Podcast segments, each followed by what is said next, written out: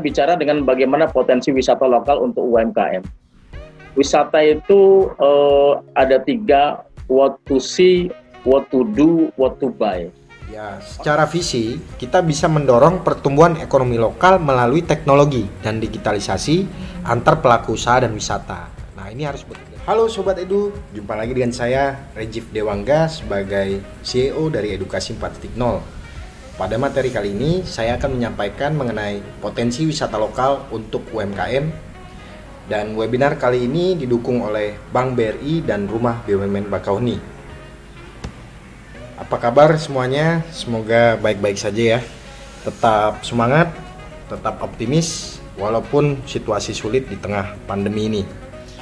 Nah, sebelum masuk ke materi, Mari kita ketahui bersama mengenai latar belakang industri wisata dan juga pelaku UMKM lokal menghadapi dampak COVID-19. Bahwasanya dalam hal penerimaan devisa Indonesia, sektor pariwisata merupakan penyumbang devisa terbesar bagi Indonesia. Nah, kontribusi sektor pariwisata terhadap devisa negara di tahun 2020 sebesar 20 miliar dolar namun dikarenakan pandemi, eh, kontribusi tersebut menurun cukup tajam. Begitu juga dengan pelaku UMKM ya. Jadi kontribusi UMKM terhadap GDP negara ini juga yang paling besar yaitu sebesar 61%. Hasilnya industri pariwisata dan juga UMKM ini merupakan penyokong ekonomi negara untuk terus maju dan tumbuh berkembang. Nah, bagaimana menyikapinya ketika kedua industri ini mengalami fase penurunan yang cukup signifikan, terutama di masa pandemi yang kita semua tidak tahu ya kapan akan berakhirnya. Oke, setelah kita mengetahui latar belakang tersebut, Sobat Edu juga mengetahui masalah dan tantangan yang terjadi sebelum COVID-19 ataupun setelah COVID-19 nanti. Jadi uh, dua permasalahan utama yang dihadapi industri pariwisata dan juga industri UMKM ini adalah bagaimana UMKM masih mendapat masalah dan tantangan dalam hal permodalan. Walaupun banyak tumbuh berjamur startup-startup di bidang finansial teknologi yang kontribusinya pun cukup besar ya dalam menyokong UMKM supaya naik kelas Nah, tapi hasil tersebut masih uh, belum terlalu maksimal dikarenakan ada gap uh, antara UMKM dengan uh, shifting ke arah digital. Masih banyak gap yang harus kita tutupi. Oke, yang kedua adalah mengenai perizinan. Nah, tentunya masih anget-angetnya nih ya informasi mengenai Omnibus Law. Jadi pemerintah ini cukup memikirkan bagaimana cara memangkas mata rantai di bidang perizinan supaya lebih cepat, praktis dan efisien dengan cara uh, meluncurkan Omnibus Law atau Undang-Undang Cipta Kerja supaya perizinan itu semakin mudah sehingga uh, dampaknya investor mau untuk berkontribusi di Indonesia. Nah, itulah kenapa Omnibus Law diciptakan agar para pelaku usaha mikro kecil menengah, startup dan lainnya ini bisa dengan mudah, cepat dan juga tepat serta efisien untuk mengurus perizinan. Nah, jadi ke depannya mengurus perizinan itu cukup duduk, buka laptop, ada internet, uh, input data. Jadi semua udah masuk ke dalam OSS atau One Single Submission. Oke, selanjutnya adalah tentang inovasi.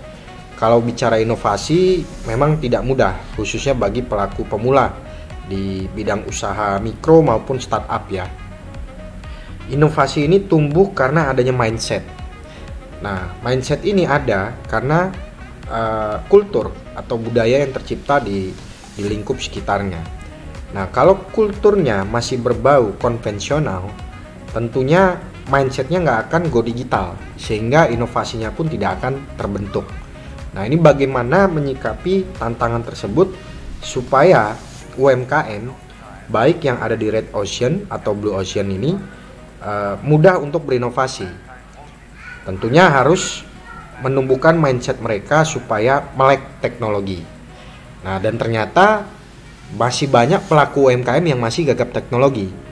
Uh, oleh karena itu, RKBBRI terus mencoba untuk mendukung uh, pelaku usaha mikro kecil menengah ini supaya mudah untuk terdigitalisasi, sehingga tidak gaptek atau gagap teknologi lagi.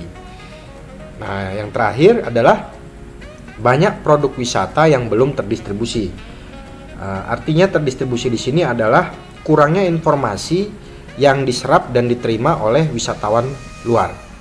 Nah, sehingga apa? Harusnya mereka bisa menjual lebih banyak potensi wisata lokalnya. Tapi karena uh, beberapa kendala seperti belumnya terdigitalisasi tadi, akhirnya informasi mengenai wisata yang harusnya mudah untuk dikonsumsi ini jadi lebih lambat jalannya. Nah, itulah masalah dan tantangan mengenai UMKM dan pariwisata. Ditambah uh, sektor pariwisata dan perhotelan ini merupakan salah satu sektor yang paling besar dampak industrinya karena COVID-19. Jadi dampak negatif ya. Nah, banyak sekali eh, wisata-wisata uh, lokal yang tutup dikarenakan regulasi setempat. Sehingga apa? Roda ekonominya pun tidak berputar. Nah, ini jangan sampai berlarut-larut. Tentunya harus kita sikapi. Bagaimana caranya informasi mengenai produk wisata dan UMKM ini uh, bisa dengan cepat terdistribusi ke wisatawan luar.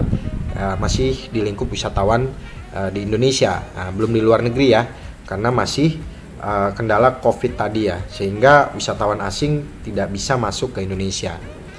Nah, yang kedua, tentunya untuk mendukung informasi tersebut supaya bisa dengan cepat uh, dikonsumsi oleh wisatawan harus ada sinergi antar mata rantai antara pariwisata dengan UMKM.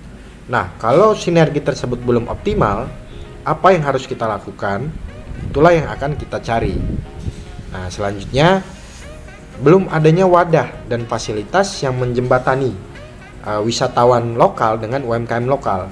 Terlalu banyak uh, industri startup ini bermain di uh, uh, Red Ocean. Red Ocean di sini adalah di Pulau Jawa dan Bali ya Artinya mereka lebih banyak mempromosikan uh, keindahan dan kearifan wisata lokal di wilayah Jawa dan Bali. Sementara di Sumatera pun sebenarnya uh, tidak kalah potensinya untuk dikonsumsi.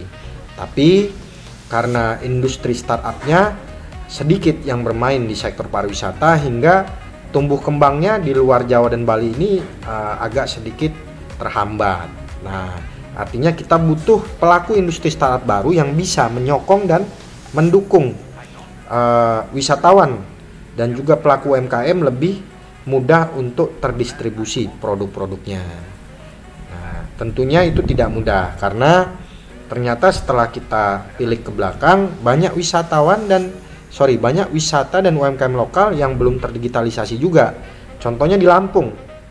Kalau kita cari tentang Pulau Pahawang, Pulau uh, Mutun, terus juga uh, Tegal Mas dan sebagainya itu uh, masih sedikit informasi yang bisa dikonsumsi di internet. Harusnya kan begitu kita sebagai uh, orang Jakarta misalnya mau berkunjung ke Lampung uh, bisa dengan mudah untuk mengetahui paket-paket wisata yang tersedia di seluruh pariwisata lokal yang ada di Lampung, baik itu di uh, wilayah Pesawaran, baik itu di wilayah Kalianda maupun di wilayah uh, Liwa dan Krui. Nah, ini harus segera didigitalisasi.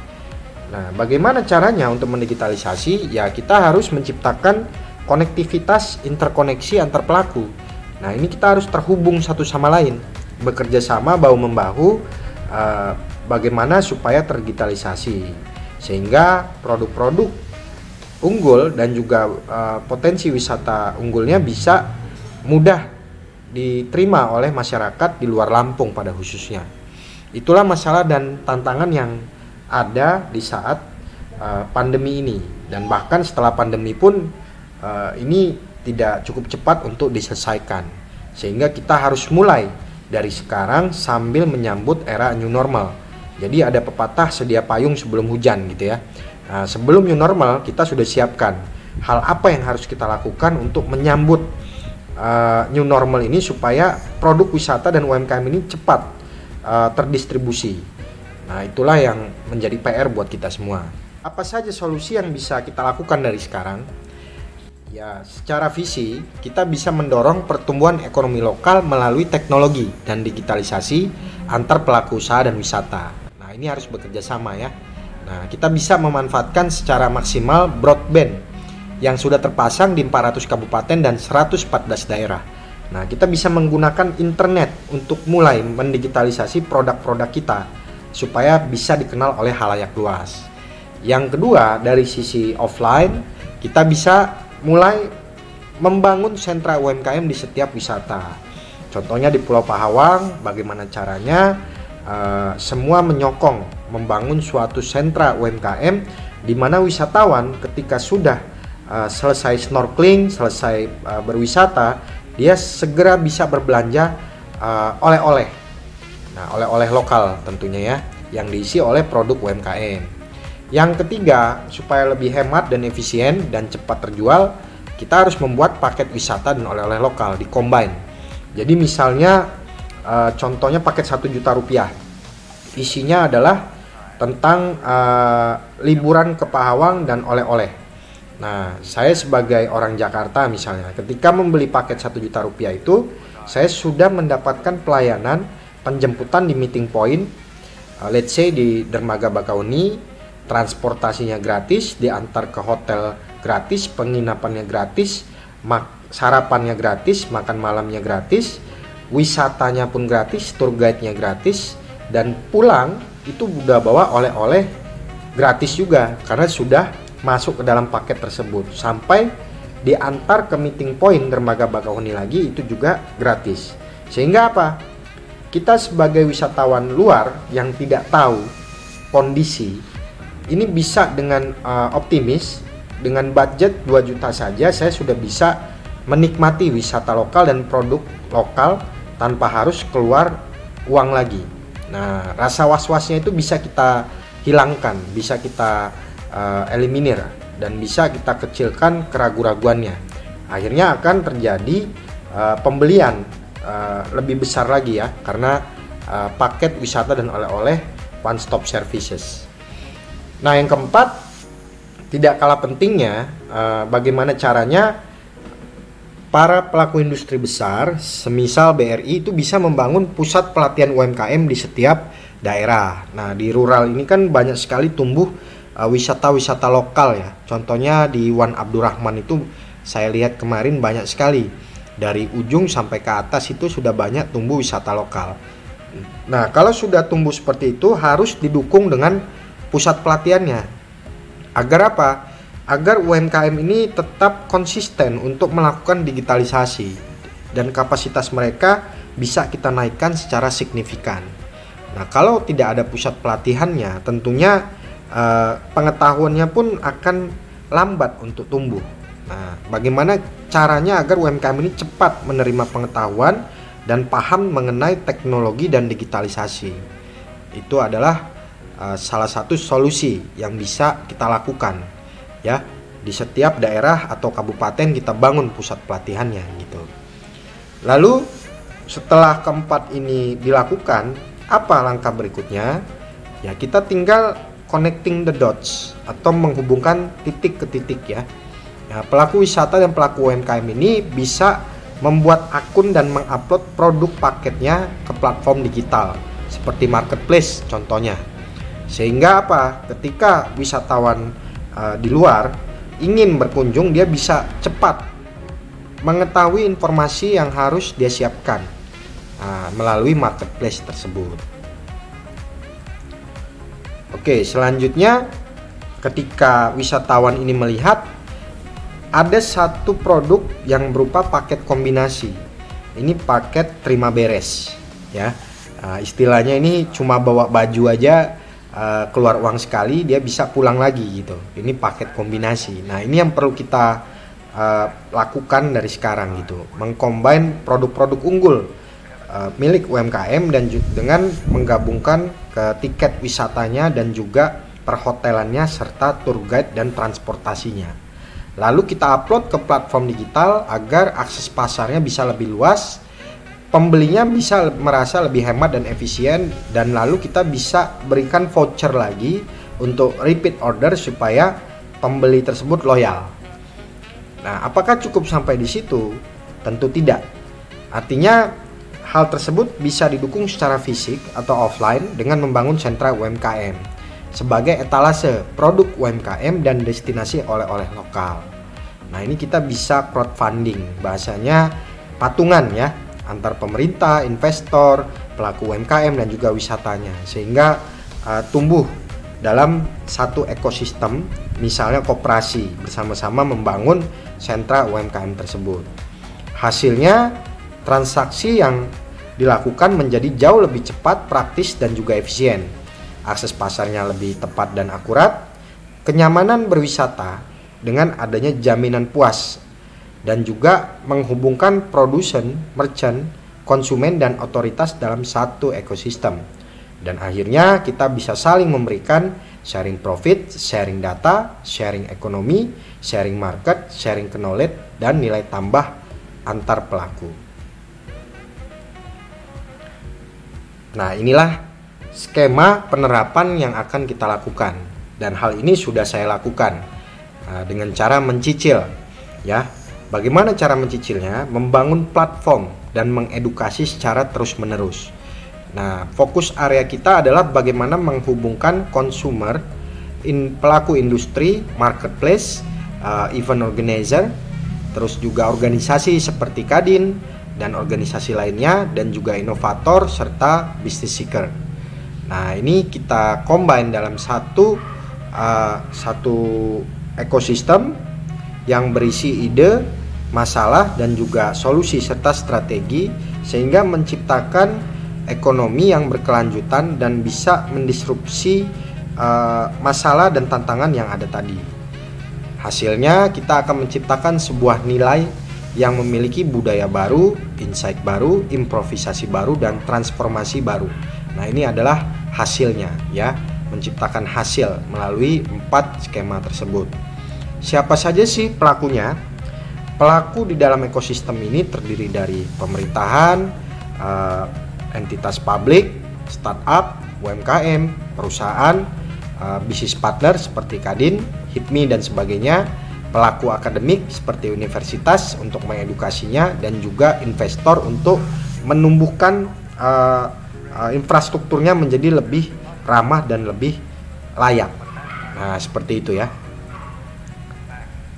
Lalu uh, bersama-sama pelaku tersebut kita gabungkan dalam satu platform dan membentuk satu produk yaitu paket wisata dan oleh-oleh dan kita distribusikan ke marketplace, sosial media dan juga pemerintah. Nah, supaya ini terus digalakkan hingga akhirnya roda perekonomian negara terus tumbuh. Nah, GDP negara pun terus meningkat, devisa negara pun juga sama terus berkembang. Nah, kalian bisa mulai membuat akun di barterplace.id baik bagi, baik bagi pelaku usaha mikro, pelaku wisata dan juga pembelinya dan bagi uh, yang mau belajar upgrade upgrade skill ataupun reskilling bisa mengakses di edukasi40.com khususnya bagi pelaku UMKM yang ingin naik kelas. Nah, selanjutnya setelah ada transaksi tentunya kita akan mapping target ya Nah, ini adalah gambaran target pengguna yang ada di wilayah Bandar Lampung, di mana kita bisa menjadikan santri, pelajar, dan mahasiswa sebagai agen wisata dengan cara mengedukasi mereka sosial media marketing, desain, uh, public speaking, dan juga kemampuan kepemimpinan, negosiasi, dan adaptasi serta komunikasinya. Nah, ada market potensial sebesar 23.000 agen wisata yang bisa kita berdayakan di wilayah Bandar Lampung. Nah, mereka ini cukup bekerja menggunakan smartphone-nya saja, menjual produk paket wisata dan oleh-oleh dan mendapatkan komisi dari setiap penjualan uh, produk tersebut. Lalu tour travelnya kita gabungkan ke dalam uh, satu platform marketplace dan mereka bisa mendaftarkan paket-paket wisatanya. Dan UMKM-nya pun sama, bisa menjual produknya langsung di marketplace barterplace.id sehingga wisatawan Indonesia dapat melihat uh, produk wisata dan produk UMKM dengan cepat, hemat dan juga tepat. Nah, inilah gambaran target ke depannya yang akan kita lakukan.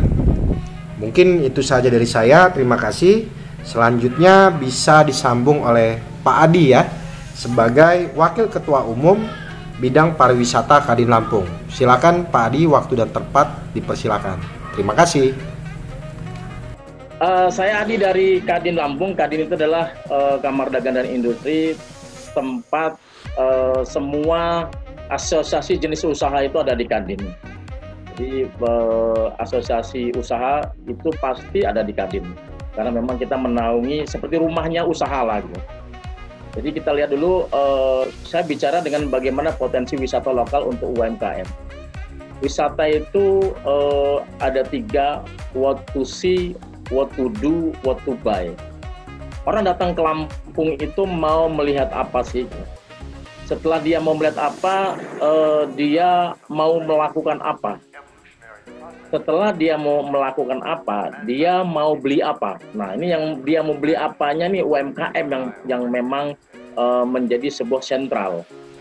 Pariwisata itu tidak bisa lepas dari UMKM, tidak bisa lepas dari oleh-oleh. Karena tanpa uh, oleh-oleh, pariwisata itu serasa hambar. Kalau orang mengunjungi Lampung tanpa memberikan oleh-oleh, itu uh, dia tidak merasa mengunjungi uh, wisata. Nah ini yang perlu benar-benar kita kerjasamakan dengan uh, di Kadin dan teman-teman UMKM karena memang UMKM ini adalah sentralnya dalam orang berwisata. Di 2018, wisata Lampung ini terpuruk dengan uh, adanya isu tsunami. Setelah terpuruk dengan adanya isu, isu tsunami, kita dihajar lagi dengan adanya bagasi berbayar. Pes, tiket pesawat mahal sehingga orang enggan untuk datang ke Lampung. Bagasi berbayar sangat memukul uh, teman-teman di UMKM oleh-oleh tadinya mereka pesan sekali pesan kalau memang mereka ke Lampung itu bisa membawa 20 sampai 30 kilo keripik pisang dan keripik singkong. Itu setelah mereka bagasi berbayar mereka nggak akan mau karena kenapa harga uh, oleh-oleh dengan uh, bagasi berbayar itu lebih mahal bagasi berbayarnya setelah 2019 kita kemarin Maret dihajar dengan isu corona bukan isu corona lagi dihajar dengan COVID-19 kan gitu kita 8 bulan, jadi wisata itu 8 bulan terpuruk sampai detik ini. Tapi kan kita tidak bisa berhenti begitu saja. Sebenarnya dalam di di uh, era uh, digital seperti ini UMKM uh, sudah mulai bangkit. Kenapa? Karena memang orang memesan uh, oleh-oleh dan makanan melalui digital.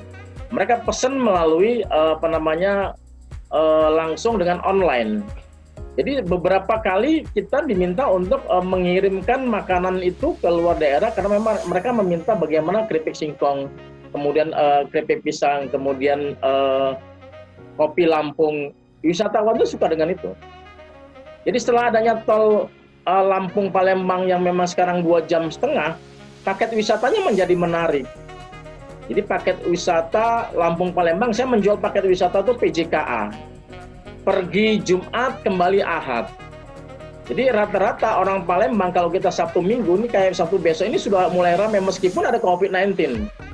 Nah sebenarnya yang paling dicintai oleh orang-orang wisatawan Lampung itu adalah uh, keripik pisang. Jadi uh, kulinernya Lampung ini kan masih masih disita. Permasalahannya adalah masih mahalnya uh, apa namanya oleh-oleh Lampung kalau kita ke Yogyakarta, kalau kita ke daerah-daerah lain, kita contoh ke Yogyakarta lah. Kita punya uang 20 ribu, kita bisa membawa oleh-oleh 20 gantungan kunci. Tapi kalau untuk Lampung, itu cukup mahal. Kita mau gantungan kunci tapis saja mencapai lebih dari 15 sampai 20 ribu.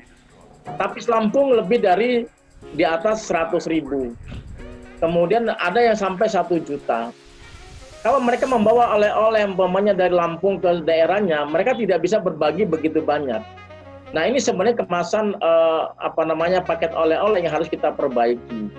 Nah itu kata Mas Angga tadi kita menjadi apa ada ada sebuah asosiasi yang memang menaungi antara UMKM dan uh, wisata. Wisata itu memang irisannya adalah UMKM. Nah ini yang harus benar-benar kita kembangkan dalam mengembangkan wisata banyak paket-paket wisata yang kita lakukan uh, berkaitan dengan UMKM. pada saat kita menjemput wisatawan di Bandara Raden Intan uh, Beranti, kita ajak mereka ke Pulau Pahawang, kita ajak mereka ke Tegal Mas, kita ajak mereka ke sentral-sentral uh, makanan khas Lampung. Nah selama ini ya memang yang sentral makanan khas Lampung itu apa namanya keripik oleh-oleh yang paling ngetop adalah aneka rasa. Dulu yen yen sekarang aneka rasa. Kenapa aneka rasa seperti itu? Mereka kerjasama dengan dengan kita di travel travel agent. Mereka kerjasama dengan teman-teman dari uh, tour tour guide untuk mendatangkan uh, wisatawan ke uh, oleh-olehnya.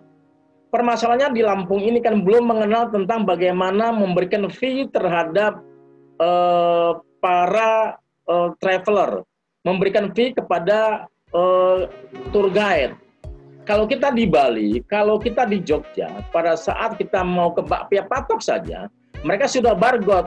Umpamanya Adiata Matur and Travel, mereka sudah bargot. Oh ya, sudah, sudah, sudah dapat kita gitu. Nah permasalahannya kan kalau di Lampung itu kita tidak tidak dihargain ke UMKM. Takut memberikan fee terhadap terhadap apa namanya bus-bus yang memang hadir. Padahal bus-bus kemudian uh, yang hadir di tempat-tempat uh, oleh-oleh itu adalah hasil rujukan, hasil rekomendasi dari travel-travel agent yang ada di Lampung gitu. Travel-travel agent ini kadang-kadang kan uh, dia melihat siapa yang kerjasama sama dia gitu. Tidak mesti gitu, dia satu satu satu satu oleh-oleh tidak juga gitu. Nah, kenapa? Karena memang ini kita belum membudaya. Jadi kemudian ke, yang kedua adalah kemasan kemasan oleh-oleh di Lampung kan sebenarnya kurang-kurang begitu menarik. Seharusnya kemasan yang memang yang ada itu kan dibuat kemasan sebaik mungkin. Seperti kayak kita di travel travel agent pada saat kita setelah kita wisata, eh, kita eh, di hotel, setelah kita mau check out, kemudian kita di bus, di bus itu kita sudah paketkan Bapak dan Ibu uh, selam, selamat meninggalkan kota Lampung kita punya oleh-oleh keripik pisang merek ini, nah gitu loh. Dan kita kasih satu bingkisan satu bingkisan. Berarti UMKM UMKM teman-teman yang punya oleh-oleh seperti keripik pisang segala macam itu langsung saja dengan dengan kita. Saya sudah sudah beberapa kerjasama dengan teman-teman dari UMKM para keripik-keripik pisang gitu, termasuk yang ada di Lampung Tengah kita juga uh, bantu untuk memasarkan. Pada saat kita membuat apa namanya oleh-oleh, membuat keripik pisang, kemudian membuat sentral-sentral oleh-oleh itu gampang membuatnya. Rata-rata teman-teman yang memang sudah ahlinya itu sudah sudah sudah pandai untuk membuat apa namanya oleh-oleh. Tapi ya, permasalahannya ada pemasarannya. Nah pemasaran yang ada di Lampung ini kan kurang kurang begitu uh, membuming untuk memasarkan sebuah uh, oleh-oleh. Nah ini Mas Angga ini luar biasa. Jadi dia membuat sebuah apa namanya edukasi 4.0. Ini luar biasa. Nah, kalau kita melakukan seperti ini secara kontinu, kita jualan lewat lewat online seperti ini agak gampang lakunya. Saya menjual apa namanya seperti kopi. Satu hari lumayan gitu. Kopi itu bisa bisa terjual sampai dengan 30 sampai 40 piece. Kenapa? Kita kasih kemasan yang premium. Jangan kemasan yang memang hanya uh, transparan. Orang tidak tidak menarik gitu. Nah ini yang perlu kita perbaiki. Pemasaran, kemudian membuat jaringan. Nggak bisa kita uh, mem, apa namanya mendirikan oleh-oleh tanpa ada jaringannya sudah tutup. Kita harus selalu membuat jaringan, selalu mem, uh, mencari teman-teman yang ada di grup-grup. Itu yang bisa kita share. Karena pada saat kita uh, ikut grup umpamanya di WA grup, ada umpamanya 100 orang, bohong kalau kita nge-share tidak ada yang nyangkut dua atau tiga orang itu sudah pasti. Dalam kita menjual jaringan apa namanya menjual uh, produk-produk kita ke jaringan pun kita harus benar-benar uh, menarik gitu. Tanpa tidak menarik, tanpa menarik, waduh luar biasa kita nggak akan akan di dibeli uh, sama orang lain. Nah ini yang perlu kita benar-benar uh, kerjasama. Betul kata Mas Angga, dalam mengembangkan potensi wisata lokal dan UMKM itu tidak bisa kerja sendiri. Itu kerjanya bersama. Karena irisannya adalah wisata harus menyatu dengan UMKM. Nah permasalahannya di Lampung ini, di destinasi-destinasi wisata, tidak ada toko oleh-oleh yang memang bertengger di situ. Orang kalau datang ke Lampung itu yang dicari cuma satu, apa sih uh, produk ciri khas Lampung? umpamanya pakaian Lampung, umpamanya kaos Lampung, kaos Lampung kan mahal.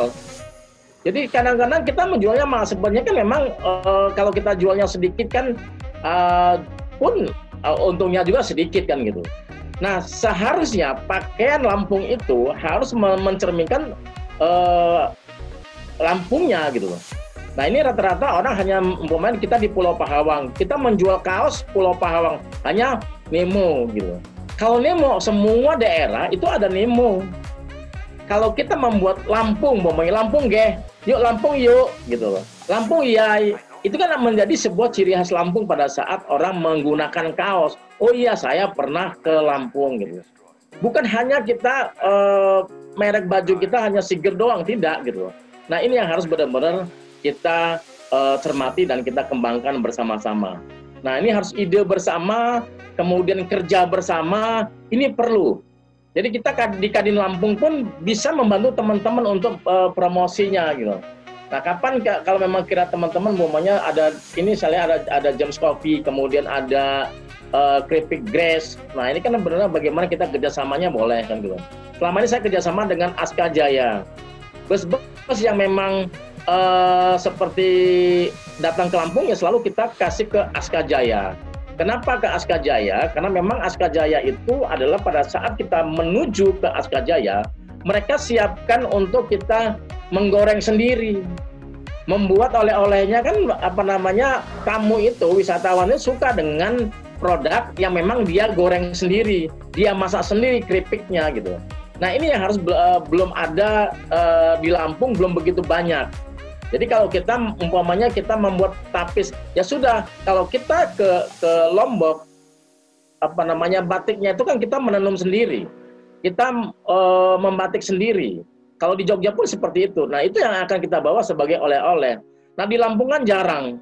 Jadi e, tapisnya mereka takut kalau tapis itu e, rusak karena kalau memang di, e, dibuat oleh wisatawan. Padahal itu yang sudah dibeli oleh wisatawan. Nah ini yang belum sentral-sentral uh, apa namanya oleh-oleh yang dilakukan oleh wisatawan pada saat mereka akan membeli oleh-oleh. Uh, kita sambil tanya jawab aja ya rekan ya. Artinya ini sudah terimplementasi di mana nih Pak Pak Rudi nih internet desa ini? Saat ini kita baru nih Mas Angga, kita belum juga belum belum promosikan, kita masih daerah Jawa saja tapi yang nanti bisa sampaikan nanti uh, saya langsung sampaikan ke Mas Angga aja seperti itu. Oke okay, baik. Karena uh, begini Pak Rudi, mungkin baiknya Pak Adi yang tahu persis nih kondisi wisata di Lampung nih internetnya ini kan ya memang kadang-kadang saya mau live streaming gitu ya. Kalau udah sampai di Pulau Tangkil tuh hilang Pak Adi. Ah, ya. sinyalnya hilang Pak Adi gitu. Uh, apakah uh, internet desa ini uh, bisa di, di, dilakukan gitu. Potensinya di tiap-tiap wisata di Lampung pada pada khususnya.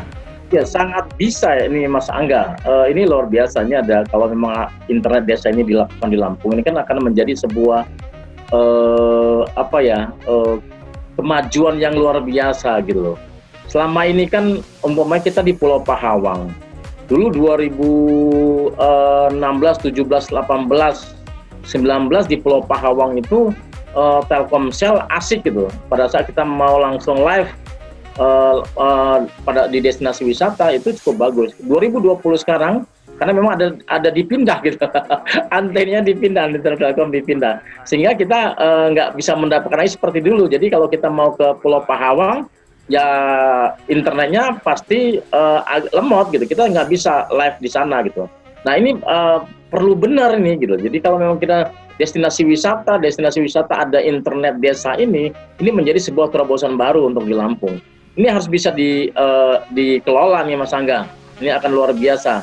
Jadi sehingga uh, sekarang ini kan zamannya live di, di tempat destinasi wisata, zamannya selfie-selfie, zamannya uh, mereka halo guys nah segala macam gitu tanpa seperti itu betul betul, betul. menarik orang ya, ya, mereka bisa berjualan online langsung ya live streaming tadi ya streaming langsung di di tempat destinasi wisata gitu tanpa seperti itu kan uh, menjadi basi umpamanya saya hari ini ke destinasi wisata uh, Pulau Pahawang kemudian saya uploadnya besok itu akan jadi basi kapan ini bener nggak gitu loh. Nah pikirnya kita berbohong dalam dalam uh, apa namanya uh, live streaming. Promosikan. Ya. Yang mempromosikan pada saat itu gitu. Terima kasih mas. Ya makasih Pak Adi luar biasa nih. Nah sekarang tinggal apakah uh, dari pihak Pak Rudi nih ya mewakili institusi tertentu itu uh, mungkin sudah tahu mapping di Lampung mungkin Pak Pak Rudi ya karena udah lama juga Pak Rudi ini tahu lah di Lampung kondisinya gitu.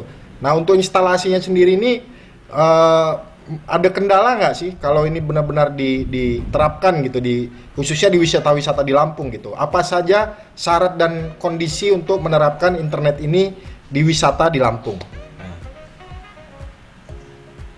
Yang jelas sih uh, pada umumnya sih nggak ada syarat tertentu ya. Ada syaratan yang sifatnya apa konturnya atau wilayah Eh, nggak uh, ada masalah. Cuman itu yang lebih detailnya nanti bisa dengan teknisi Pak, yang Abang Mas Angga yang bisa menyampaikan. Karena saya takut banget menyampaikannya, karena ini juga baru saja kita apa namanya launching dan kita juga belum paparan ke beberapa instansi. Nah, jadi memang kebutuhannya untuk publik ya untuk masyarakat di mana nanti kemudahan untuk berakses, kemudahan untuk ber, berinternet di satu lokasi ya tentunya tidak ada kendala di dalam satu wilayah yang sekiranya konturnya yang apa eh, berbukit seperti itu. Karena nanti dia mungkin menggunakan uh, alat yang khusus yang apa uh, apa namanya uh, teknologi yang baru lah tentunya seperti itu. Oke, terima kasih banyak Pak Rudi dan uh, Bang Adi dari pihak UMKM nih. Uh, mungkin Mbak Mbak Eli dari Keripik Grass uh, ada kendala atau ada saran yang bisa di, disampaikan gitu untuk program uh, pengembangan UMKM dan wisata lokal. Uh, seperti apa sih yang diharapkan dari pelaku UMKM-nya? Uh, bagaimana uh, langkahnya supaya UMKM ini bisa mudah gitu uh, bergabung ke uh, ke program ini gitu. Silakan Mbak Mbak Eli. Ya, selamat sore Mas uh, saya dari Lampung Timur. Wow. UMKM Keripik Des. Mungkin yang bergabung di uh, eh, RKB Bakauni baru saya ya. Uh, menurut saya untuk Lampung Timur ini kan belum ada mungkin belum ada kerjasama dengan BRI UMKM-nya. Gimana kalau di setiap daerah itu diadakan pelatihan yang memang uh, mungkin kalau sekarang belum belum bisa ya untuk tatap muka. Mungkin nanti untuk ke depannya kalau memang sudah mengizinkan mohon diberikan waktu untuk bertatap muka dengan pihak-pihak BRI jadi kami mendapat dukungan dari pihak BRI gitu. Terima kasih itu aja menurut saya sih. Uh, ini salah satu manfaat ya dari uh, uh, workshop ya atau semi, uh, webinar ini adalah ide-ide uh, baru atau saran-saran untuk pengembangan gitu supaya uh, manfaatnya itu benar-benar uh, sampai tidak hanya di uh, pusat kota saja tapi sampai di pinggiran atau di rural area gitu. Nah mungkin dari BRI bisa uh, membangun juga uh, pusat uh, pelatihan dan juga uh, direktori produk UMKM Lampung Timur. Nah, dengan kata lain membangun uh, RKB BRI-nya di Lampung Timur gitu. Jadi tidak hanya untuk memajang produk UMKM Lampung Timur tapi juga sebagai uh, pusat pelatihannya sehingga uh, program ini benar-benar berjalan secara uh, konsisten dan dan stimulusnya pun uh, sampai ke pelaku UMKM-nya gitu ya. Yang diharapkan Mbak Mbak Eli mungkin seperti itu. Ya, Namun benar. karena kondisi ya program tersebut akhirnya uh, jadi tertunda ya, bukan batal ataupun tidak jadi sama sekali tapi tertunda. Nah, ini akan menjadi satu poin yang akan kita catat uh, untuk jadi bahan evaluasi bersama dan mulai diimplementasikan di wilayah uh, Bandar Lampung dulu mungkin ya uh, bagi pihak BRI gitu.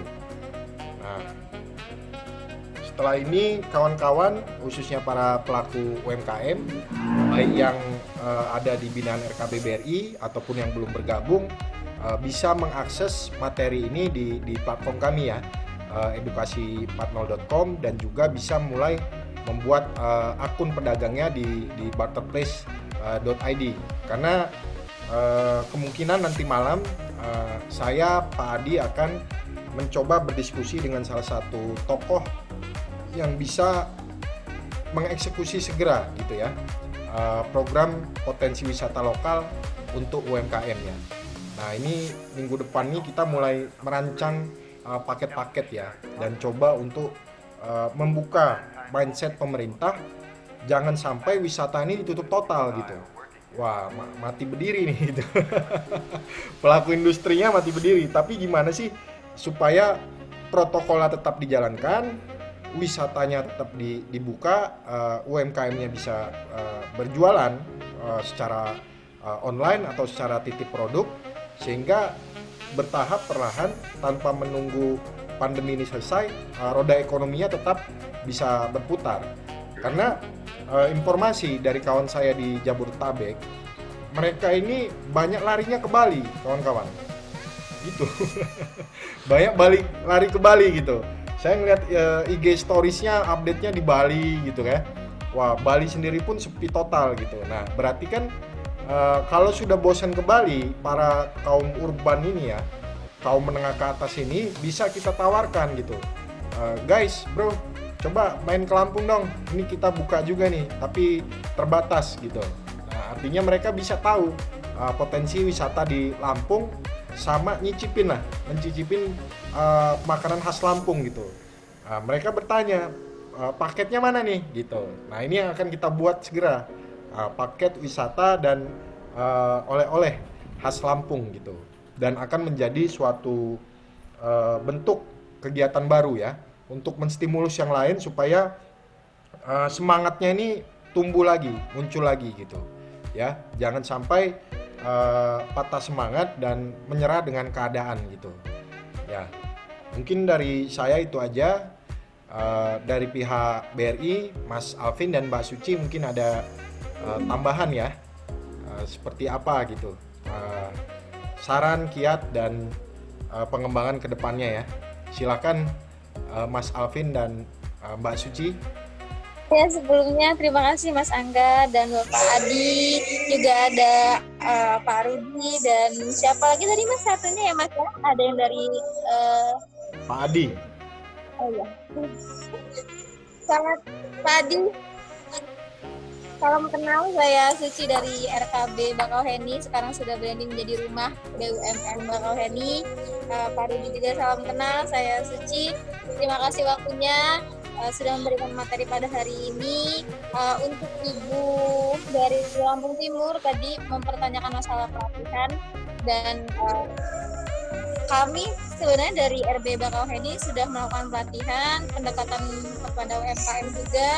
Kami melakukan offline ke berbagai uh, kota di Lampung. Kami sudah ke Natar, Bandar Lampung, dan sekelilingnya. Kami mengadakan pelatihan di sana. Kami memberikan materi bersama kerjasama dengan Tokopedia dan Mas Angga juga kita sudah pernah catering saya juga ya Mas Angga uh, mungkin ya. lain waktu kita akan ke Lampung Timur ya Ibu karena sedang pandemi ada jadwal-jadwal yang dibatalkan uh, bukan kami tidak ingin ke sana tapi karena kondisinya yang tidak memungkinkan uh, untuk pelatihan dan pendapatan kaum UMKM sebenarnya kami belum bisa untuk membuka di kota-kota selain di Bakauheni tapi uh, kami di sini membantu untuk mendisplay dan pemasaran barang-barang dan produk dari UMKM. Kami stay di pelabuhan eksekutif. Pelatihan pun sebenarnya harusnya diadakan di uh, eh, RKP Bakauheni. Selalu seperti itu seharusnya. Cuma karena keadaannya Pak Adi dan Pak Rudi, maka saat ini lebih ke online dulu. Uh, terima kasih juga Pak Adi sebagai uh, Kadin dari Lampung dari pariwisata ada pertanyaan sedikit Pak dari saya. Uh, di sini apakah pemerintah Pak sudah memberikan uh, kepada UMKM agar bisa andil dalam pengembangan wisata tersebut? Misalkan ketika di Lampung Selatan ada satu pariwisata pantai, lalu UMKM diberikan fasilitas atau uh, tempat untuk memasarkan barang di sana, apakah sudah pemerintah melakukan hal seperti itu, Pak? Ya, ya, makasih Mbak Suci. Uh, ada sebuah permasalahan di Lampung yang memang uh, Lampung ini tidak seperti uh, di Bali dan yang lainnya. Destinasi-destinasi wisata di Lampung ini milik perseorangan. Jadi sehingga uh, pemerintah itu tidak tidak bisa apa namanya memberikan apa na, uh, memaksakan kehendaknya atau memberikan masukan kepada mereka karena kan uh, perseorangan ini pun mereka punya warung-warung uh, sendiri, punya punya sentral-sentral sendiri sehingga uh, kesulitan di Lampung seperti itu. Karena kita lihat saya sudah inventory di Lampung itu hanya beberapa persen lah punya punya pemerintah uh, uh, provinsi ya punya punya pemerintah peng, dalam pengelolaannya. Seperti umpamanya TNBBS kemudian juga ada namanya Tahura Taman Hutan Rakyat uh, uh, Waikambas itu milik pemerintah. Tapi kalau yang sentral-sentral yang rame-rame itu kan milik perseorangan. Seperti di Bakahuni kan itu kan ramai sekali ada namanya Sebalang, kemudian ada sekarang lagi-lagi ngetren lagi nih uh, di Labuan Maringgai, ini ngetren banget. Nah saya hari ini tadi ditelepon sama temen uh, di Pok Darwis, Lampung Selatan bahwa mereka sudah membuka wisata pantai mirip dengan Bali. Nah, insya Allah saya uh, hari Rabu itu diundang ke sana untuk mengunjungi uh, destinasi wisata itu. Mirip sekali dengan Bali dan saya lihat juga fotonya videonya juga mirip dengan Bali. Cuman tidak belum terkelola. Nah ini sebenarnya uh, sebelum terkelola itulah memang biasanya UMKM UMKM itu bisa kerjasama sebenarnya gitu. Jadi uh, sharing profit saja gitu. Tapi memang uh, dengan dengan adanya uh, PowerPoint oh, punya Mas Angga ini kan sebenarnya bisa bisa masuk gitu. Nah seperti itu Mas Suci. Terima kasih. Untuk Bapak Ibu yang lain, mungkin uh, pertanyaan sudah kami jawab. Silakan untuk berkunjung Bapak Adi dan Pak Rudi juga silakan untuk berkunjung ke RB kami Pak. Dan Bapak Ibu yang lain juga bisa untuk bergabung bersama kami silakan. Mbak Suci. Siap Mbak Suci, makasih. Mbak Suci, saya mau ngasih masukan nih. Uh, Mbak Boleh Pak, silakan Pak. Uh, RKB BR ini sebenarnya luar biasa kalau menurut saya uh, ada di uh, dermaga eksekutif Bakauheni. Nah sebenarnya kalau memang kira-kira secara kontinu ya kan kita dalam memberikan pelatihan di uh, dermaga eksekutif Bakauheni itu kan uh, tidak mesti ramai-ramai. Tapi memang secara kontinu uh, masyarakat uh, diundang untuk di sana sebenarnya. Jadi memang masih tetaplah protokol kesehatan. Jadi kalau kita tidak tidak melakukan apa namanya pelatihan tatap muka itu kalau menurut saya memang uh, beda dengan dengan webinar seperti ini gitu. Kalau kita tatap, tapi yang penting ada protokol kesehatan, kemudian jumlah orangnya tidak lebih dari 30 orang. Nah ini sebenarnya karena apa namanya match feel-nya orang untuk diberi pelatihan pada saat dia tatap muka dengan dengan webinar itu beda-beda jauh. Kenapa? Karena akan kita lakukan praktek-praktek. Karena kan di di uh, apa uh, dermaga eksekutif Bakauhuni itu kan ada tempat panggung yang tengah-tengah itu loh. Nah itu menjadi sebuah sentral yang memang uh, sentral ini masukkan saja gitu. Nah kita Kadin juga akan akan bisa bantu di, di sana gitu untuk uh, apa namanya memberikan pelatihan-pelatihan uh, seperti itu gitu. Jadi kita juga akan membantu promosinya. Jadi kasihan ini kalau UMKM tiba-tiba dia sudah membuat sebuah uh, usaha tiba-tiba uh, perjalanannya dia hanya yang beli nggak uh, begitu. Nah, ini yang memang kadang-kadang terjadi di Indonesia seperti itu gitu. Jadi dia membuat usaha tapi yang ya apa namanya penjualnya tidak bagus seperti uh, dia menjual uh, pakaian umpamanya gitu. Gitu Mbak Suci, terima kasih. Ya, baik Pak, terima kasih Pak.